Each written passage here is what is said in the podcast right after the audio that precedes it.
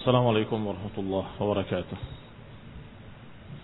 إن الحمد لله نحمده ونستعينه ونستغفره ونعوذ بالله من شرور أنفسنا ومن سيئات أعمالنا من يهده الله فلا مضل له ومن يضلل فلا هادي له وأشهد أن لا إله إلا الله وحده لا شريك له وأشهد أن محمدا عبده ورسوله صلى الله عليه وعلى آله وأصحابه والتابعين وتابع التابعين ومن تبعهم بإحسان إلى يوم الدين. يا أيها الذين آمنوا اتقوا الله حق تقاته ولا تموتن إلا وأنتم مسلمون.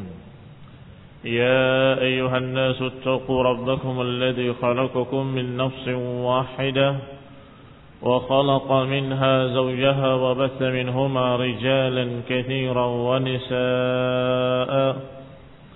واتقوا الله الذي تساءلون به والأرحام. إن الله كان عليكم رقيبا. يا أيها الذين آمنوا اتقوا الله وقولوا قولا سديدا. يصلح لكم أعمالكم ويغفر لكم ذنوبكم ومن يطع الله ورسوله فقد فاز فوزا عظيما. أما بعد فإن خير الحديث كتاب الله وخير الهدي هدي محمد صلى الله عليه وعلى آله وسلم وشر الأمور محدثاتها فإن كل محدثة بدعة وكل بدعة ضلالة وكل ضلالة في النار Ikhwani fi din, a'azakumullah kaum muslimin yang saya hormati.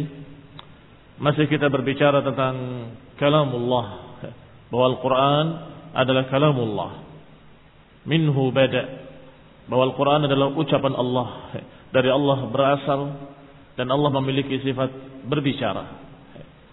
Kemudian, Asyarih membantah beberapa syubhat-syubhat yang dilemparkan oleh Mu'tazilah dan yang sejenisnya yang menyatakan bahwa Quran adalah makhluk dengan berbagai macam syubhat. Walhamdulillah sudah dibantah satu persatu sampai pada ucapan al-musannif ucapan syarih rahimahullah fa in qila dan kalau dikatakan ini oleh mereka faqad qala ta'ala bahwa Allah Subhanahu wa taala berfirman innahu laqaulu rasulin karim kalau mereka memakai ayat ini dan berkata bahwa ayat ini mengatakan innahu laqaulu rasulin karim. Sesungguhnya itu adalah ucapan rasul, utusan yang mulia. Hadza yadullu ala anna rasul ahdathahu. Kalau Allah menyatakan itu adalah bahkan memakai kalimat innahu, sesungguhnya itu adalah ucapan utusan yang mulia. Berarti ucapan utusan. Ar-Rasul huwa alladhi ahdathahu. Rasulullah yang mengadakan ucapan itu. Imma Jibril atau Muhammad sallallahu alaihi wa ala alihi wasallam. Karena dalam tafsirnya Rasulun Karim disebutkan dua. Ada yang menyatakan bahwa yang dimaksud adalah Jibril, ucapan Jibril alaihi salam. Ada pula yang menyatakan ucapan Rasulullah alaihi wasallam. kata mereka, bisa jadi itu ucapan Jibril atau ucapan Muhammad, tetapi Ikhwan ibn berarti bukan ucapan Allah Subhanahu wa taala. Lihat alasan mereka. Apa kita jawab? Kata Syekh rahimahullah qila ذكر الرسول معرف أنه مبلغ عن مرسله disebutkan di sana kalimat rasul dengan muarraf memakai alif lam ta'rif yang menunjukkan sudah ma'ruf sudah diketahui yaitu muballigh an mursilihi yaitu penyampai dari yang mengutusnya. Itu makna rasul menyampaikan ucapan yang mengutusnya. Lianahu lam yaqul innahu qawlu malakin aw nabiyyin karena Allah tidak menyebutkan kalimat bahwa itu ucapan malaikat atau ucapan manusia tidak. Atau ucapan nabi tidak. Tapi ucapan rasul sedangkan kalimat rasul dengan alif dan lam itu maknanya adalah yang diutus untuk menyampaikan ucapan pengutusnya. Itu Rasul namanya. Rasul adalah utusan yang menyampaikan berita Ucapan dari yang mengutusnya. Itu disebut rasul.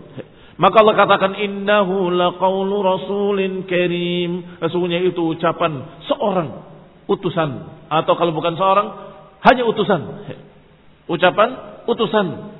Utusan ini bisa malaikat, Jibril, bisa pula manusia dalam bentuk nabi yang diutus oleh Allah untuk menyampaikan. Itu makna rasul. Fa'ulima annahu ballaghahu amman arsalahu. Maka diketahui dari makna ar-rasul bahwa rasul tadi apakah malaikat Jibril ataupun Nabi Muhammad sallallahu alaihi wa alihi wasallam tetap maknanya adalah dia menyampaikan dari yang mengutusnya. Yuballigh an man arsalahu. La annahu unsyi'a min jihati nafsih. Bukan berarti utusan tadi membuat ucapan sendiri Wa aydan dan juga farrasulu fi ihdal ayatain Jibril. Dan juga Rasul dalam salah satu dua ayat tadi adalah Jibril alaihi salam. Wa bil ukhra dan dalam ayat yang kedua adalah Nabi Muhammad sallallahu alaihi wa alihi wasallam. Kalimat innahu laqaulu rasulin karim di dalam dua ayat. Yang satu yang dimaksud adalah Jibril alaihi salam yang kedua, yang dimaksud adalah Nabi Muhammad SAW. Kalau kalian menyatakan berarti itu ucapan utusan tadi, maka kita akan jawab yang dimaksud ucapan Jibril atau ucapan Nabi Muhammad SAW. Atau ucapan Jibril dan ucapan Nabi Muhammad sama begitu. Katanya Quran ini ucapan Jibril. Dalam ayat lain ini ucapan Nabi Muhammad SAW. Bertentangan. Ada kontradiksi. Tidak mungkin. Kalau kamu mengatakan ucapan Jibril, berarti bukan ucapan Nabi Muhammad. Kalau ucapan Nabi Muhammad, berarti bukan ucapan Jibril. Iya kan?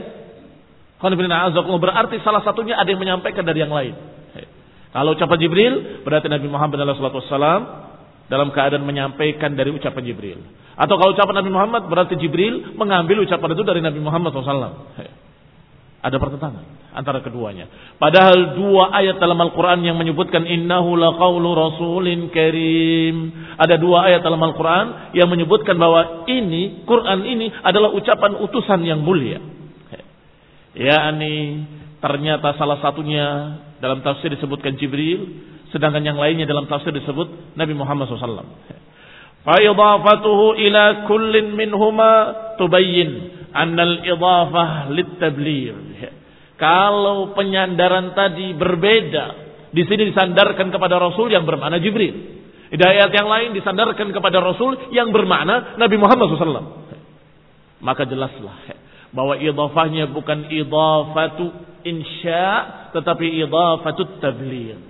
Penyandarannya kepada utusan tadi adalah penyampaiannya, bukan pengucapnya. Kalau pengucapnya akan terjadi pertentangan. Katanya Jibril. Di sini katanya Nabi Muhammad SAW. Terus gimana? Yang benar yang mana? Ucapan Jibril atau ucapan Nabi Muhammad SAW? Dalam ayat ini dikatakan ucapan Jibril. Dalam ayat ini dikatakan ucapan Nabi Muhammad SAW. Iya. Kalau Jibril mengucapkannya, itu Jibril yang mengucapkan. Kalau Rasulullah SAW menyampaikannya, Rasulullah SAW yang mengucapkan. Tetapi kedua-duanya menyampaikan sehingga tidak salah kalimat dalam Al-Quran bahwa ini ucapan utusan yang mulia yaitu Jibril dan ini juga ucapan utusan yang mulia yaitu Nabi Muhammad SAW karena kedua-duanya menyampaikan dari Allah Subhanahu Wa Taala. Karena kedua-duanya menyampaikan. Yang perlu kita perhatikan berarti penyandarannya kepada Rasul tadi apakah idhafatul tabligh atau idhafatul insya' Kalau idhafahnya idhafatul insya penyandaran dalam bentuk yang pertama mengucapkan, maka terjadi pertentangan. Di sini dikatakan Jibril, di sini dikatakan Nabi Muhammad SAW. Tidak mungkin. Fatabayyana, maka jelaslah bahwa berarti penyandarannya lit tabligh, penyandaran penyampaian. Idlau ahdatsau ahaduhum amtana'an yuhditsil akhar. Karena kalau salah satunya yang mengada-adakan idhafahnya idhafatu insya atau idhafatu ihdas maka yang lain tidak mungkin membuat juga yang sama. Ini membuat ucapan ini. Kemudian yang lain mengucapkan ucapan yang sama. Jibril dan Nabi Muhammad SAW. Nggak mungkin. Kalau itu adalah ucapan Jibril berarti bukan ucapan Nabi Muhammad. Kalau ucapan Nabi Muhammad SAW berarti bukan ucapan Jibril. Kalau pada dua-duanya berarti yang dimaksud penyampaian. Sehingga Jibril juga menyampaikan, Rasul juga menyampaikan. Wa aydan, alasan ketiga, qauluhu rasulun amin. Rasul amin. Kalimat amin yang terpercaya, yang amanah, yang menjaga amanah. Ini dalil ala annahu la yazidu fil kalam alladhi ursila bitablighihi wa la yanqus minhu. Mana amin terpercaya atau amanah, yakni utusan tadi tidak berani menambah dari ucapan dirinya sendiri sedikit pun dan tidak pula berani menguranginya. Tidak berani menambah dari apa yang diperintahkan untuk disampaikan dan tidak berani mengurangi dari apa yang diperintahkan untuk disampaikan. Bal huwa aminun ala ma arsalahu. Bahkan utusan tadi amin, amanah sesuai dengan apa adanya, dia diutus dengan kalimat itu, dia sampaikan kalimat tersebut. Yuballighuhu an mursilihi, dia menyampaikan dari pengutusnya. Tidak ditambah, tidak dikurangi. Itu mana amin. Innahu laqawlu rasulin karim. Dalam ayat lain dikatakan rasulin amin, ucapan rasul yang terpercaya. Wa alasan keempat. Fa inna Allah qad kaffara man ja'alahu qaulal bashar. Lagi pula Allah telah mengkafirkan orang yang menganggap Quran ini ucapan manusia. Maka mustahil ayat tadi bermakna itu ucapan Rasul manusia. Mustahil. Karena Allah SWT sudah menganggap kafir orang yang menyatakan innahu laqaulu al-bashar. Sudah dikafirkan oleh Allah orang yang menjadikan Quran ini dianggap sebagai ucapan manusia. Muhammad sallallahu alaihi wa ala alihi wasallam bashar. Sedangkan Nabi kita Nabi Muhammad alaihi salatu wassalam adalah manusia. Faman ja'alahu qawlu Muhammadin sallallahu alaihi wa ala alihi wasallam bimana annahu ansha'ahu faqad kafar. Maka barang siapa yang menganggap bahwa Quran ini ucapan Nabi Muhammad alaihi salatu wassalam bimakna dengan makna bahwa dialah yang mengada mengada-adakan, dialah yang membikinnya, dialah yang mengucapkan pertama kalinya, maka dia telah kafir. Wala farqa baina an yaqula innahu qawlu basharin aw jinnin aw malakin mukarrab wal kalam kalamu man qala mubtadi'an. Maka siapa pun yang mengucapkan bahwa Quran ini ucapan manusia, sama saja apakah ucapan manusia ataupun ucapan jin atau mengatakan ucapan malaikat, sama-sama kafir. Sebagaimana disebutkan dalam surat Nah, disebutkan oleh Allah Subhanahu wa taala ketika kita membaca kisah Walid bin Mughirah innahu faqad fakkara wa qaddar faqutila kayfa qaddar thumma qutila kayfa qaddar thumma nadhara thumma abasa wa basar thumma adbara wastakbara faqala. Kemudian berkata apa yang diucapkan oleh Walid ketika berpikir dan menentukan berpikir dan menentukan? Sampai pada akhirnya innahu dikatakan bahwa itu adalah qaulu bashar. Dikatakan sehrun yu'thar. Itu adalah qaulu bash, qaulul bashar. Ini adalah ucapan manusia.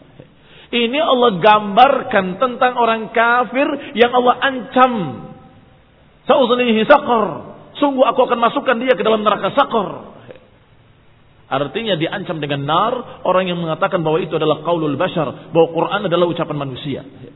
Maka kalau ayat tadi innahu laqaulu rasulin karim maknanya adalah Quran ini ucapan Nabi Muhammad berarti ucapan manusia. Bertentangan ayat yang satu dengan ayat yang lain. Jadi itu mustahil. Sehingga azakumullah alasan keempat ini bahwa makna Rasul tadi dikatakan ucapan yang diutus atau ucapan utusan, yakni ucapan utusan yang jujur terpercaya, yang menyampaikan apa adanya yang diucapkan oleh yang mengutusnya, yaitu Allah Subhanahu wa taala amin, terpercaya.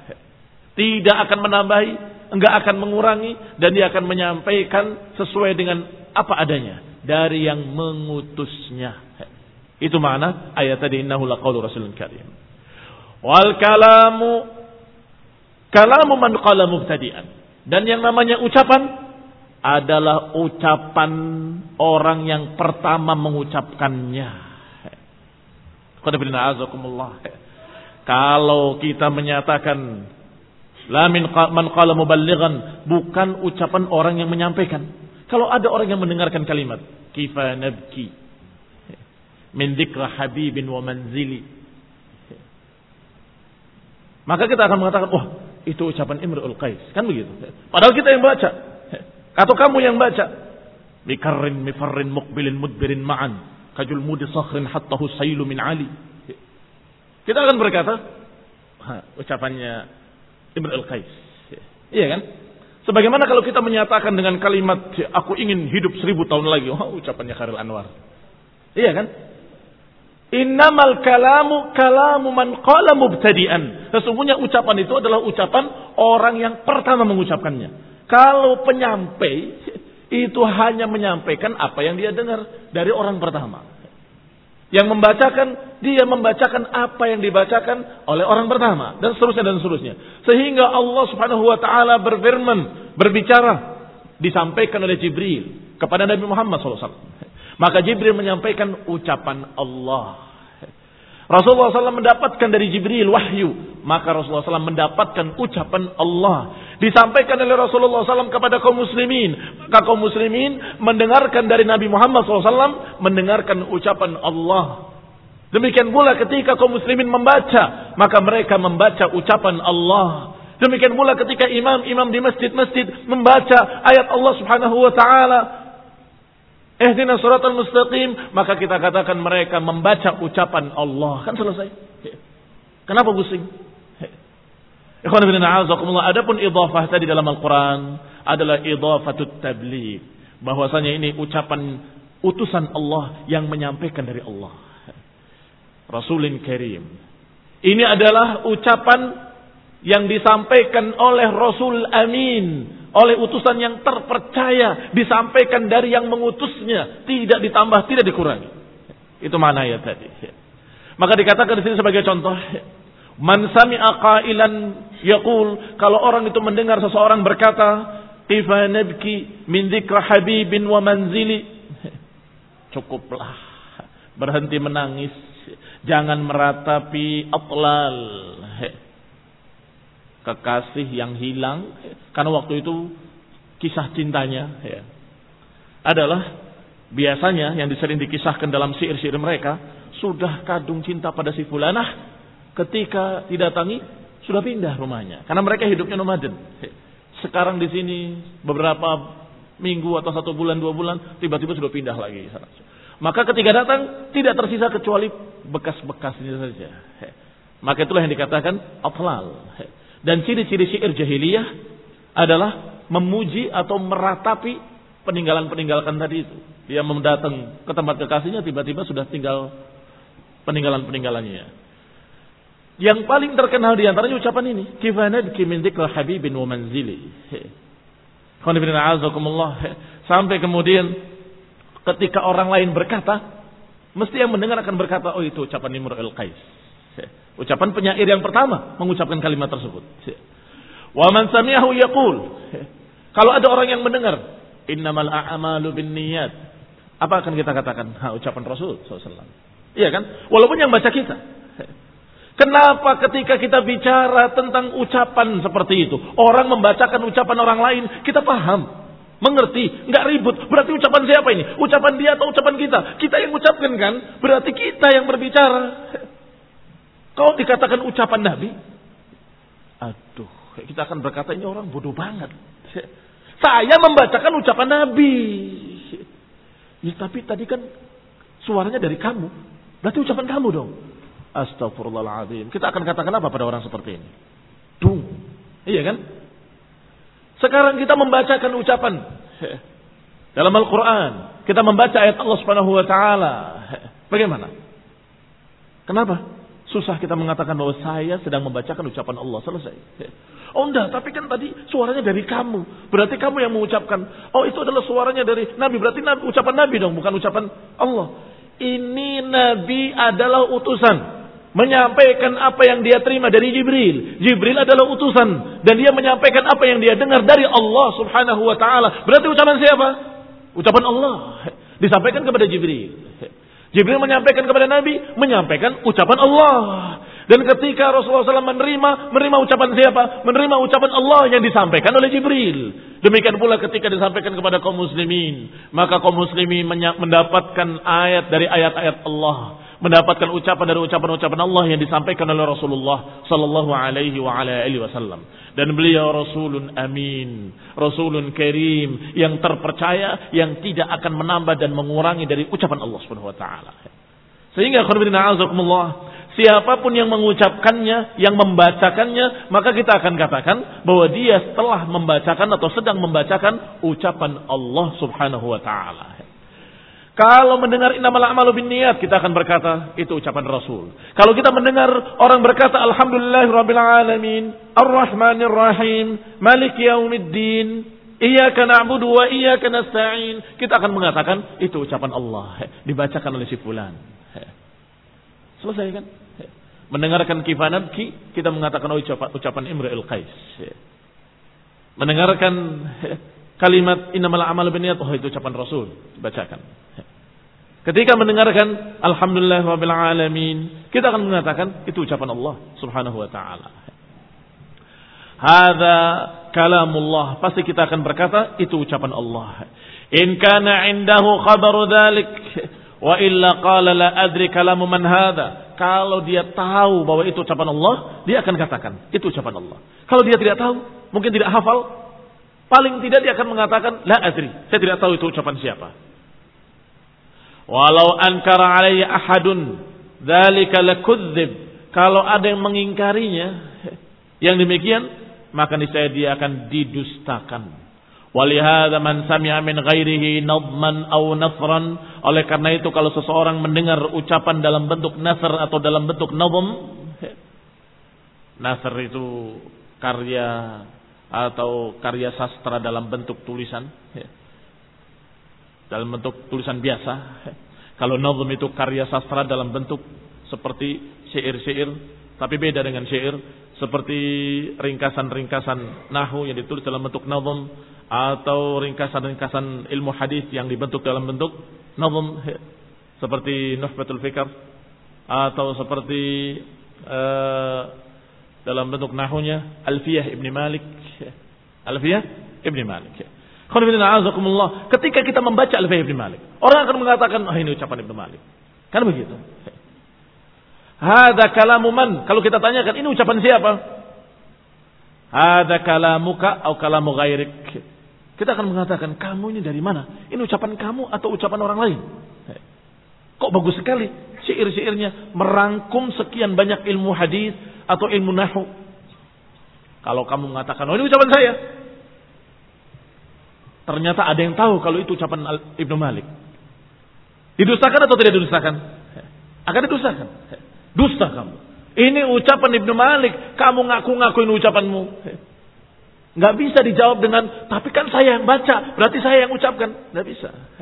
Mafhum. Kalau yang namanya ucapan itu adalah yang pertama mengucapkannya. Maka ketika orang itu menyampaikan, dia harus jujur bahwa ini bukan ucapan saya sendiri. Saya hanya membacakan ucapannya Ibn Malik. Harus jujur menyatakan bahwa saya tidak membuat sendiri. Ini ucapannya, ucapan Ibn Hajar al-Asqalani dalam nazamnya. muslim yang saya hormati. Dengan demikian ketika orang juga menyatakan dan membacakan ayat Allah, tentunya kita akan mengatakan dengan jujur ini ucapan Allah Subhanahu. Bukan ucapan manusia. Bukan ucapan yang dibikin oleh malaikat, bukan ucapan yang dibikin oleh manusia mana pun, tapi ucapan Allah Subhanahu wa taala. Wa bil jumlati fa ahlu sunnati kulluhum min ahli al-madahib al-arba'ah wa ghairihim min as-salaf wal khalaf muttafiquna ala anna kalam Allah ghairu makhluk. Dan ringkasnya, bahwa ahlu sunnah seluruhnya, dalam madhab-madhab apa pun dari yang empat, ahli madhabil arba'ah, apakah madhab Imam Syafi'i, madhab Imam Malik, madhabnya Imam Ahmad rahimahullah, rahimahumullah ajma'in, ataupun madhabnya Abu Hanifah. Semua dari kalangan salaf maupun khalaf, dari yang terdahulu maupun yang hari ini, muttafiqun. Mereka semuanya sepakat anna kalam Allah ghairu makhluk bahwa ucapan Allah bukan makhluk tetapi Allah memiliki sifat kalam dan ucapan Allah adalah ucapan Allah bukan makhluk walakin ba'da dzalika tanazal mutaakhiruna fi anna kalam Allah hal huwa ma'nan Wahid qaimun bidzat atau annahu hurufun wa aswatun takallama Allah biha ba'da an lam yakun mutakalliman. Kalau makna Allah berbicara dan pembicaraan Allah bukan makhluk, maka disepakat seluruh para ulama dari madhab yang empat ataupun yang lain. Dari ahlus sunnah wal jamaah. Kita tidak berbicara orang-orang yang di luar ahlus sunnah. Tetapi kemudian mereka berbeda pendapat. Orang-orang belakangan itu juga. Orang pertama sepakat. Orang-orang belakangan mulai berbicara apakah yang dimaksud ucapan Allah tadi makna saja. Qaimun bidzat. Makna yang qaim bidzat. Yang makna itu kemudian Allah Subhanahu wa taala berikan kepada Jibril sehingga Jibril memahami. Kemudian Jibril memahami, baru Jibril menyampaikannya kepada Rasulullah SAW dalam bentuk ucapan-ucapan. Ini pendapat pertama. Tapi tetap mereka menyatakan itu ucapan Allah SWT. Tetapi pendapat yang lain menyatakan annahu hurufun wa aswatun takallamallahu biha ba'da an lam yakun mutakalliman. Pendapat yang kedua menyatakan bahwa ucapan Allah adalah ada suaranya, terdengar, ada huruf-hurufnya, dan Allah berbicara dengan huruf-huruf dan suara yang didengar oleh yang diajak bicara oleh Allah Subhanahu wa taala. Yang tadinya Allah tidak berbicara kemudian berbicara. Sedangkan yang ketiga menyatakan, au annahu lam yazal mutakalliman idza syaa wa mata syaa wa kaifa syaa, bahwa Allah tetap memiliki sifat berbicara kapan pun Allah mau dan Allah Subhanahu wa taala terus memiliki sifat berbicara. Kalau Allah maukan, kapan Allah maukan dan bagaimanapun Allah maukan. Yani waktunya sekehendak Allah Subhanahu wa taala. Kaifiahnya sekehendak Allah Subhanahu wa taala. Juga kapannya terserah Allah Subhanahu wa taala. Wa anna naw'al kalam qadim, berarti jenis sifat kalamnya qadim. Bahwa Allah sudah memiliki sifat kalam azalian wa abadian. Wa qad yutlaq ba'dul mu'tazilah 'ala al-Qur'an annahu ghairu makhluq. Bahkan sebagian Mu'tazilah juga ada yang mengatakan bahwa Quran itu bukan makhluk. Wa muraduhum annahu ghairu mukhtalaq muftaran makdzub tetapi yang mereka maksud bukan makhluk adalah bukan kalimat yang diada-adakan oleh manusia, bukan kalimat yang didustakan, bukan kalimat yang dibikin-dibikin dengan dusta, bahkan itu adalah ucapan yang hak dan jujur, yang tidak ada keraguan padanya. Anna hadzal ma'na muntafin bittifaqil muslimin. Tetapi makna ini jelas bukan yang dimaksud dengan kesepakatan seluruh kaum muslimin. Bahwa kalimat ghairu makhluk bukan makhluk bukan seperti yang dikatakan oleh Mu'tazilah tadi. Tapi maknanya bukan makhluk, artinya benar-benar itu sifat Allah. Allah berbicara dan ayat-ayat inilah ucapan Allah Subhanahu wa taala. Sudah kita katakan bahwa benarnya ucapan ahlus sunnah bahwa Quran itu adalah kalamullah bukan makhluk terlihat ketika kita diperintahkan untuk berdoa dengan memakai kalimat A'udhu bikalimatillahi tammati min syarri ma khalaq. Aku berlindung dengan kalimat-kalimat Allah yang sempurna dari kejahatan makhluk-makhluknya. Lihat. A'udhu bikalimat. Aku berlindung dengan kalimat-kalimat Allah. Kalau kalian wahai Mu'tazilah menganggap bahwa Quran itu makhluk, berarti doa ini adalah doa kepada makhluk dan doa kepada makhluk syirik. Tidak mungkin Nabi alaihi mengajarkan kesyirikan. Enggak mungkin mengajarkan untuk berdoa kepada makhluk. A'udzu bikalimatillahi tammati min syarri khalaq. Aku berlindung dengan kalimat-kalimat Allah dari kejahatan makhluk-makhluk yang dijahatnya. Maka jelas kalau Nabi memerintahkan kita untuk berdoa kepada kalimat Allah, berarti kalimat Allah itu sifat-sifat Allah, maka sama dengan ucapan kita, a'udzu bi'izzatillahi wa qudratihi min syarri ma ajidu wa uhadir. Sama dengan doa ini. Aku berlindung dengan izzatillah, dengan kemuliaan Allah, dengan kemuliaan Allah, wa qudratihi dan dengan kekuasaannya dari apa yang aku dapati dan aku rasakan. Ini sakitnya. Orang yang sakit diajarkan untuk berdoa, aku berlindung kepada kemuliaan Allah dan kekuasaannya dari apa yang aku dapati dari kesusahan ini. Qul berarti boleh berdoa dengan sifat-sifat Allah, sifat izzah, sifat qudrah, dan juga boleh dengan sifat kalam. yaitu dengan kalimat-kalimat Allah Subhanahu wa taala. Wan niza' baina ahli al-qiblah innama huwa fi kaunihi makhluqan khalaqahu Allah aw huwa kalamuhu alladhi takallama bihi wa qama bidatihi. Maka pertikaian di antara ahli al-qiblah adalah keadaan Al-Qur'an tadi. Apakah makhluk yang diciptakan oleh Allah Subhanahu wa taala atau ucapan Allah yang Allah ucapkan pada dirinya dan merupakan sifat yang berkait dengan zatnya. Ini yang diperselisihkan oleh ahlul qiblah kaum muslimin. Adapun ahlus sunnah innama su'ilu an hadha. Adapun ahlus sunnah ketika ditanya tentang masalah ini, mereka menjawab bahwa itu adalah kalamullah. Wa illa fa kaunuhu makdzuban muftaran mimma la yanazi' muslim fi butlanih. ولا شك أن مشايخ المعتزلة وغيرهم من أهل البدع معترفون بأن اعتقادهم في التوحيد والصفات والقدر لم يتلقوه لا عن كتاب ولا عن sunnatin wala an a'immatis sahabah. Khonibin a'azakullah wa ahli sunnah. Mereka ditanya masalah ini dan menjawab. Kalau tidak mereka tidak akan membicarakan masalah itu. Pokoknya Allah berfirman, Allah berbicara selesai. Wa illa fa kaunuhu makduban muftaran mimma la yunazi' muslim fi butlanih.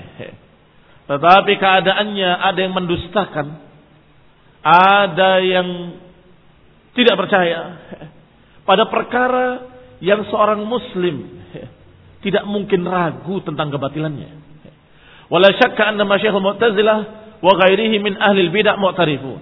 Dan tidak ragu lagi bahwa Mu'tazilah sendiri, tokoh-tokoh mereka dan ahlul bid'ah, mereka mengakui bahwa mereka, keyakinan mereka terhadap masalah ini, terhadap masalah tauhid dan sifat dan masalah takdir, mereka bukan menerima dari Quran, bukan menerima dari sunnah, bukan menerima dari a'immatus sahabah wat tabi'in lahum bi ihsan.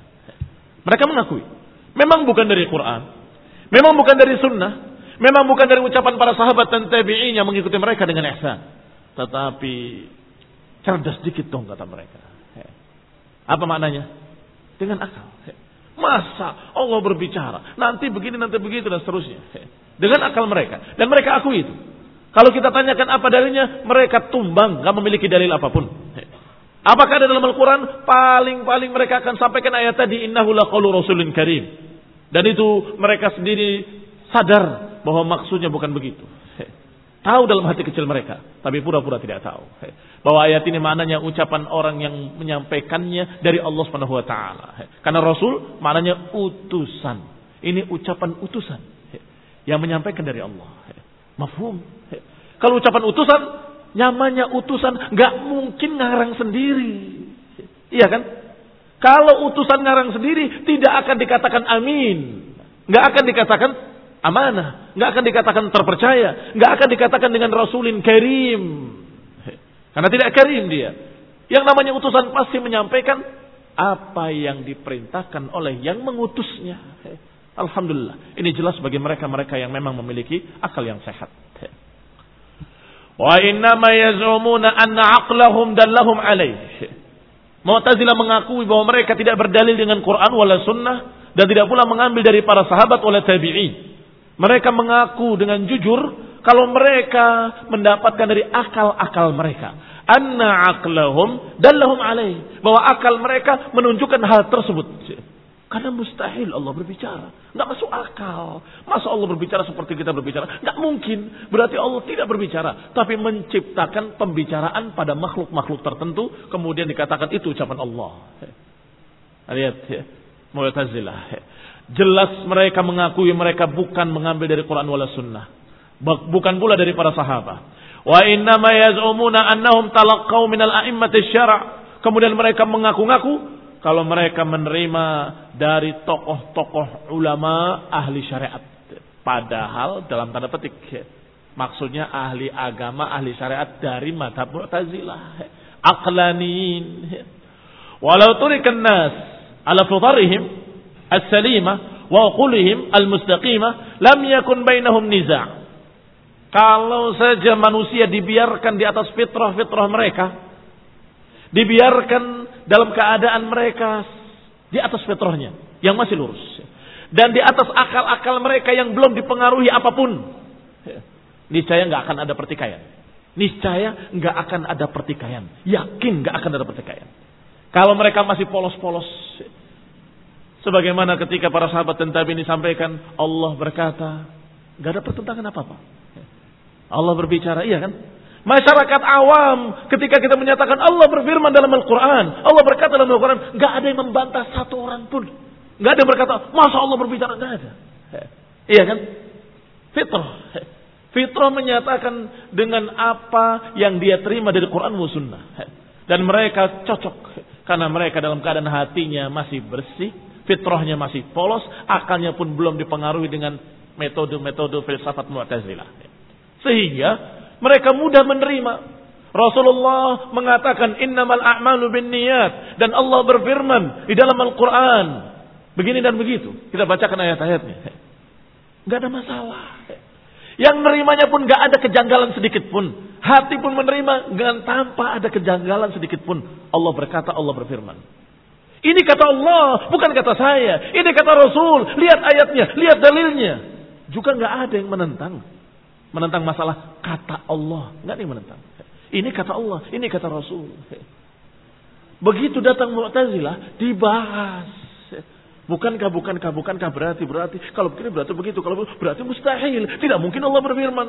Nggak mungkin Allah berbicara. Mungkin Allah menciptakan pembicaraan. Mulai dibahas yang tadinya jelas, jadi nggak jelas. Yang tadinya gamblang mudah diterima, jadi rumit. Ini adalah penyakit filsafat, penyakit ilmu kalam. Maka dikatakan lauturikan nas. Kalau dibiarkan manusia ala fitarihim. Di atas fitrah-fitrah mereka. As-salimah. Wa uqulihimul mustaqimah. Dan dibiarkan di atas akal-akal mereka yang masih sehat. Lam yakun bainahum niza' Tidak akan terjadi pertikaian.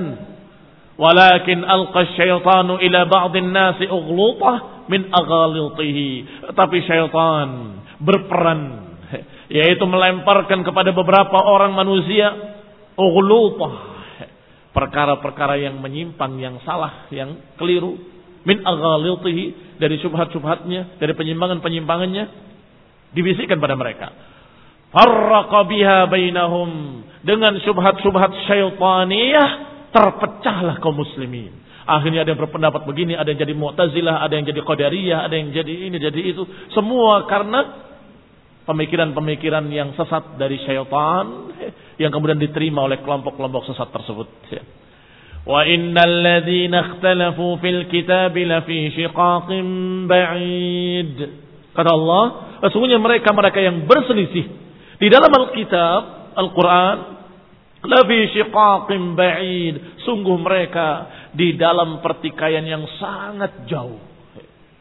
Yang sangat jauh, yang jauh dari kebenaran. Pertikaian yang sangat jauh berbeda. Kesalahan pertamanya, ikhtalafu fil kitab. Mereka berselisih dengan Quran yang Allah turunkan, dengan kitab yang Allah turunkan. Allah menyatakan dalam Al-Quran bukan sekali, bukan dua kali. Allah. Allah berkata dengan kalimat qala ada. Dengan kalimat wa kallamallahu Musa taklima ada. Dengan kalimat kallama. Dengan kalimat nada juga ada. Wanada panggil Allah memanggil Musa. Berarti Allah nada. Apa nada? Memanggil. Apa takallama? Mengajak bicara. Apa qala? Berbicara. Allah berbicara, Allah mengajak bicara dan Allah memanggil. Ini dalam Al-Qur'an. Siapa yang tidak mau terima apa yang Allah katakan dalam Al-Quran, ini yang nanti fisyiqaqin ba'id. Akan terjadi pada mereka pertikaian, perselisihan yang sangat jauh, yang tidak akan berakhir. Kecuali kalau mereka mau kembali kepada Al-Quran. Dan sunnah Rasulullah sallallahu alaihi wa ala alihi wasallam.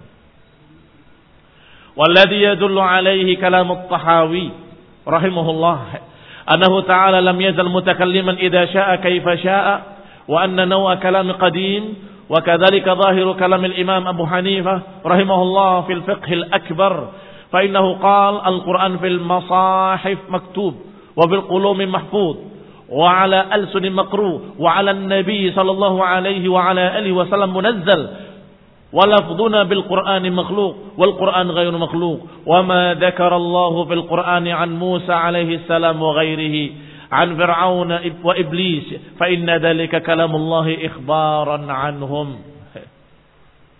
Adapun apa yang ditunjukkan oleh ucapan At-Tahawi rahimahullah di dalam matanya Abu Ja'far At-Tahawi rahimahullah yang mengatakan annahu ta'ala lam yazal mutakalliman yang berkata bahwa Allah Subhanahu wa taala terus memiliki sifat berbicara kapan pun Allah sukai dan bagaimanapun Allah kehendaki.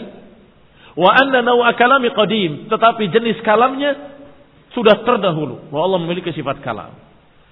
Demikian pula zahir dari ucapan Imam Abu Hanifah rahimahullah di dalam fiqh akbarnya beliau menulis kitab masalah akidah tapi diberi judul fikih fikih akbar fikih besar karena yang dibahasnya adalah akidah maka beliau berkata Al-Qur'anu fi masahif maktub.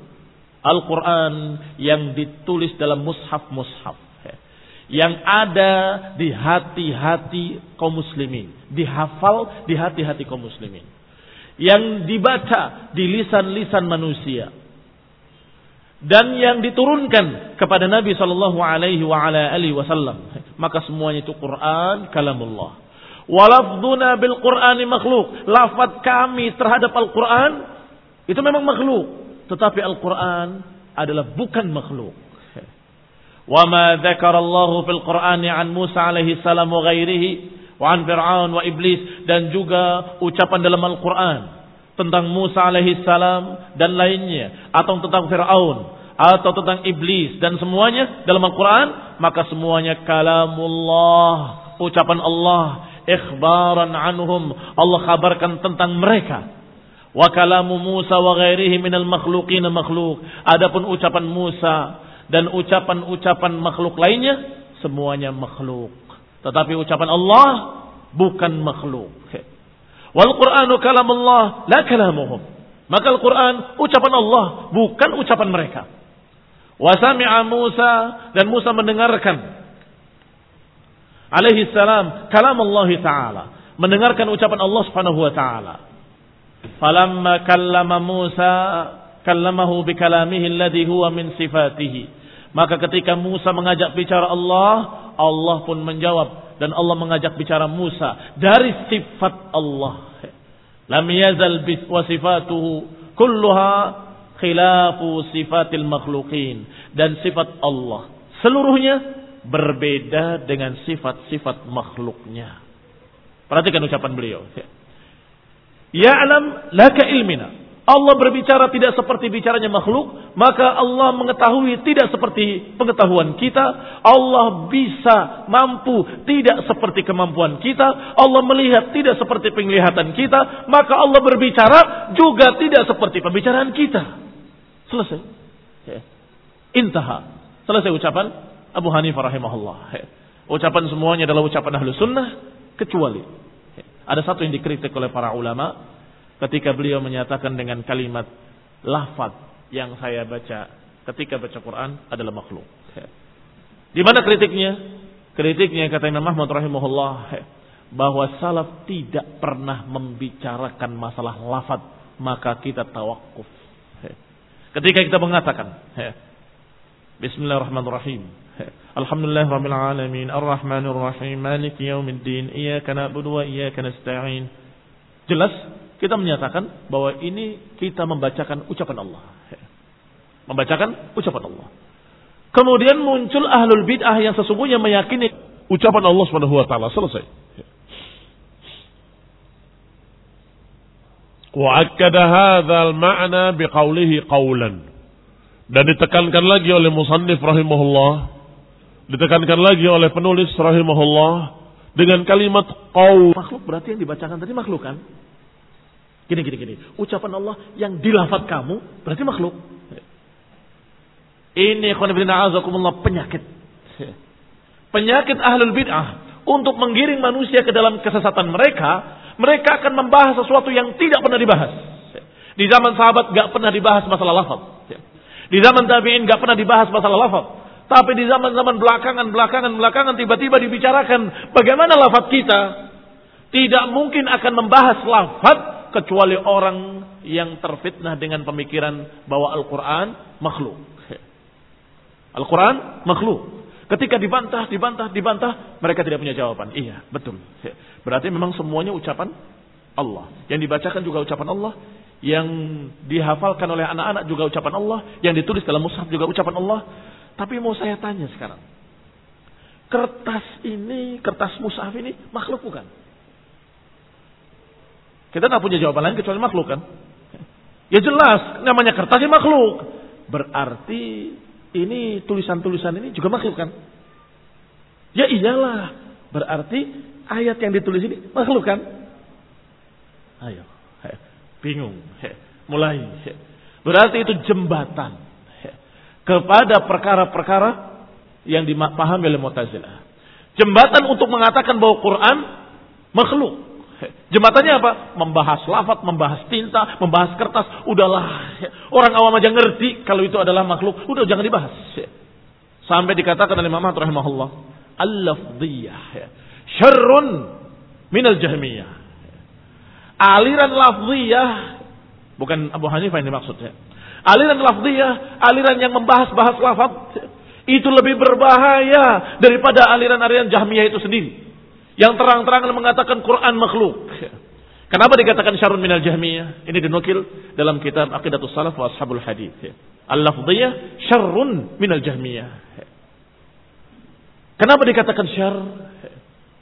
Jawabannya sebagaimana kita mengatakan bagaimana dengan orang kafir dan ahlul bid'ah. Mana yang lebih berbahaya? Kita akan menjawab ini kafir tapi jelas. Sehingga tidak banyak membuat fitnah. Ini kesesatan yang sebagian mereka sudah kafir dalam keadaan mereka dengan subhat-subhat yang samar-samar banyak membuat fitnah. Maka ini lebih berbahaya daripada itu. Demikian pula sama lafziyah dengan Jahmiyah. Jahmiyah terang-terangan mengatakan Allah tidak berbicara. Atau menyatakan bahwa Allah menciptakan pembicaraan. Atau mengatakan Quran ini bukan ucapan Allah. Kira-kira kalau ada orang yang berkata begitu kepada kaum muslimin, yang akan percaya berapa orang? Quran bukan ucapan Allah. Kurang ajar kamu. Kafir kamu. Iya kan? Orang-orang muslim awam akan mengatakan mendustakannya dengan keras. Karena jelas. Kafirnya jelas. Kok Quran dikatakan bukan ucapan Allah? Allah tidak mengucapkan, tidak berbicara. Tetapi yang satu, yang lafziyah, Ya memang Quran ini uh, ucapan Allah. Tetapi yang saya maksud, lafat ini, apa kertas ini bagaimana? Tintanya, tintanya bagaimana? Huruf-hurufnya ini alif, ba, tak bagaimana? Uh, lafat saya ketika baca Quran, alhamdulillah rabbil lafat saya bagaimana? Mulai bimbang kaum muslimin. Sampai ada yang menjawab, ya makhluk. Berarti suara yang saya ucapkan tadi makhluk kan? Ya iya, berarti huruf-huruf yang keluar dari mulutmu tadi makhluk kan? Iya, berarti ayat yang kamu bacakan tadi makhluk kan? Nyampe akhirnya ke dalam Mu'tazilah dengan cara yang super halus. Sehingga kata Imam Ahmad jangan dibahas. Jangan dibahas apa yang tidak dibahas oleh salaf. Kalau mereka menyatakan, bagaimana? Sudahlah, dari salaf tidak pernah membahas masalah itu. Tapi yang juga tidak membahas masalah itu. Kenapa kamu tiba-tiba masalah itu dibahas-bahas, dibolak-bolak, dibalik-balik, diangkat, dipermasalahkan, didiskusikan? Ngapain? Belajar saja bagaimana sholat kamu, puasa kamu. Dengan ucapan Allah ini, dengan dalil-dalil Al-Quran. Dan dengan ucapan Rasulullah SAW dalam hadis yang sahih. Selesai. Iya kan? Dengan meyakini ucapan Allah kita bahas. Bagaimana ibadah kita, bagaimana akidah kita, bagaimana keyakinan kita terhadap sifat-sifat Allah. Jangan membahas apa yang tidak dibahas oleh para ulama ahlu sunnah. Demikian ikhwan ibn a'azakullah kaum muslimin yang saya hormati. Nasallahu taufiq wal hidayah. Nasallahu ta'ala an yuthabbitana ala tauhid wa sunnah. آمين وصلى الله محمد وعلى آله وأصحابه وسلم تسليما كثيرا سبحانك اللهم بحمدك أشهد أن لا إله إلا أنت أستغفرك وأتوب إليك والسلام عليكم